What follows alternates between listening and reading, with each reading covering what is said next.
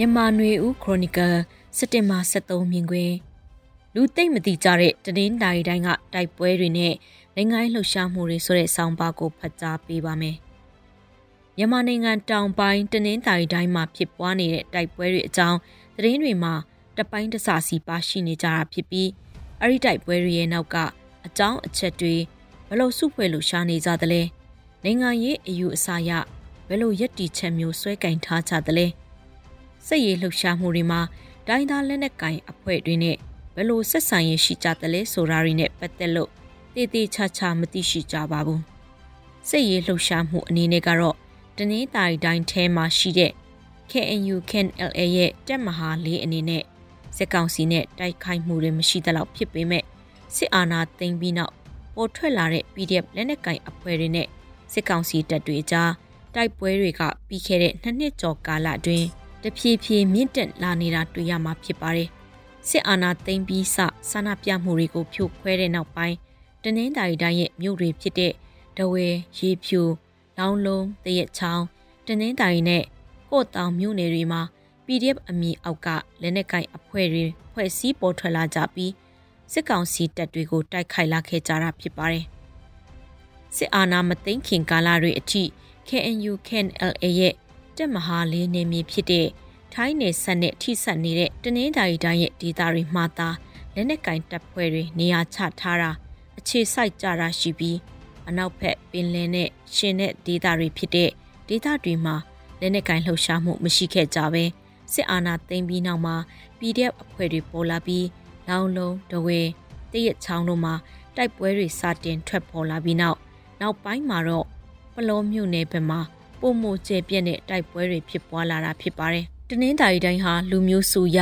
တဝေတိုင်းသားတွေကရင်တိုင်းသားတွေနဲ့ဆက်လုံလူမျိုးစုတွေနဲ့ဗမာရီနေထိုင်ကြတာဖြစ်ပြီးလူမျိုးစုနေမြင်ရဲလို့မှတ်ယူမထားကြတဲ့သဘောဖြစ်ပါတယ်။မွန်ပြည်နယ်နဲ့ထိစပ်နေတဲ့တနင်္သာရီတိုင်းရဲ့အရှိတ်ဖက်တကြောအချို့သောနေရာတွေမှာပင်လယ်ကမ်းရိုးတန်းတွေအထိကရင်လူမျိုးတွေအများပြားနေထိုင်ကြတာတွေ့ရပါတယ် စစ်အာဏာမသိမ်းမီထိစစ်ရေးလှုပ်ရှားမှုကြီးကြီးမားမားမရှိခဲ့ပဲစစ်အာဏာသိမ်းပြီးနောက် KNU KNLA ပြင် PDF လက်နက်ကင်လှုပ်ရှားမှုက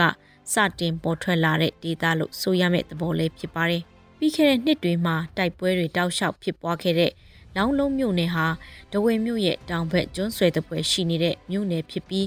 နေဆက်ဒေသလည်းမဟုတ်သလိုတစ်ဖက်မှာပင်လယ်ပြင်သားရှိပြီးဒဝေမြစ်တနင်္သာရီရုံးမှစတဲ့ဒေသမှာရှိတဲ့ မြို့နယ်လည်းဖြစ်ပါတယ်။ဒီမတိုင်ခင်ကာလတွေထိတဝဲဘိတ်တို့လူကဒေသခံတွေအနေနဲ့စီးပွားလုပ်ငန်းတွေသာအာယုံဆိုင်လုပ်ကင်ကြတာထိုင်းနိုင်ငံမှာအလုပ်သွားရောက်လုပ်ကင်ကြတာကလွှဲရင်လက်နက်ကင်တိုက်ခိုက်ဖို့သဘောထားပြင်းထန်တဲ့နိုင်ငံရေးရည်တည်ချက်လမ်းကြောင်းမျိုးမကြားသိခဲ့ရတဲ့နေရာဖြစ်ပါတယ်။သို့ပေမဲ့စစ်အာဏာသိမ်းမှုဖြစ်ပြီးနောက်မှာတော့လက်နက်ကင်လှုပ်ရှားမှုမှာတကြွစွာပါဝင်လာတဲ့ဒေသတစ်ခုဖြစ်လာခဲ့ပြီးရှေ့လျားလာတဲ့တနင်္သာရီကံယူတန်းတလျှောက် စစ်ကောင်စီတပ်တွေစခန်းတွေကင်းတွေကိုတိုက်ခိုက်လာတဲ့နေရာဖြစ်လာခဲ့ပါတယ်။တနင်္သာရီတိုင်းဒေက PDF အဖွဲ့တွေရဲ့ယက်တီမှု UNG နဲ့စစ်သွေးဆောင်ရွက်မှု KNU KNLA နဲ့စစ်ဆိုင်ရေးအစရှိတဲ့အပိုင်းတွေတော့ပြည်သက်အနေနဲ့သိပ်ပြီးမသိရှိကြသေးတဲ့သဘောလေးတွေ့ရမှာဖြစ်ပါတယ်။ NLD ပါတီအနေနဲ့တနင်္သာရီတိုင်းမှာစကိုင်းတိုင်းမကွေးတိုင်းတို့လောက်ရာနှုံးပြည့်နီးပါအကောင်းခဲ့တဲ့ဒေသတစ်ခုမဟုတ်ခဲ့ပေမဲ့ 2015ရွေးကောက်ပွဲနဲ့2020ရွေးကောက်ပွဲတွေမှာတော့တိုင်းသားပါတီတွေကိုကြော်လွန်ပြီးအနိုင်ရခဲ့တဲ့တိုင်းတတိုင်းဖြစ်ပါတယ်။တနင်္သာရီတိုင်းဟာနေမြေအနေထားအရလူဦးရေထူထပ်မှုမများပြားတော့လဲတထုမိုင်းငါးဖမ်းလုပ်ငန်းထိုင်းနိုင်ငံနဲ့ထိစပ်နေတဲ့ရှေ့လျားတဲ့နေနမိတ်နဲ့ရာနဲ့ချီတဲ့အရေးအတွက်ရှိတဲ့ကျွန်းစုတွေပလဲလိုတင်ရန်ဇာရတွေထွက်ရှိတဲ့ဒေသဖြစ်ပါတယ်။ကရင်ကရင်နီရှမ်းကချင်ချင်းတို့လို တိုင်းသားလူမျိုးစုအမျိုးသားရေးကထင်ထင်ရှားရှားမမြင်ခဲ့ကြရပေမဲ့ဒဝေတိုင်းသားတွေအနေနဲ့တော့၎င်းတို့ရဲ့ဒဝေဘာသာစကားနဲ့ဒဝေရိုးရာရင်ကျင်းမှုစတာတွေနဲ့ဒဝေတွေကိုတိုင်းသားလူမျိုးစုတရက်အဖြစ်တတ်မှတ်ရှုမြင်ထားကြတာလည်းဖြစ်ပါတယ်။ထို့ကြောင့်တနင်္သာရီတိုင်းဟာလူမျိုးစုဒေသတစ်ခုကရင်လူမျိုးလူနည်းစု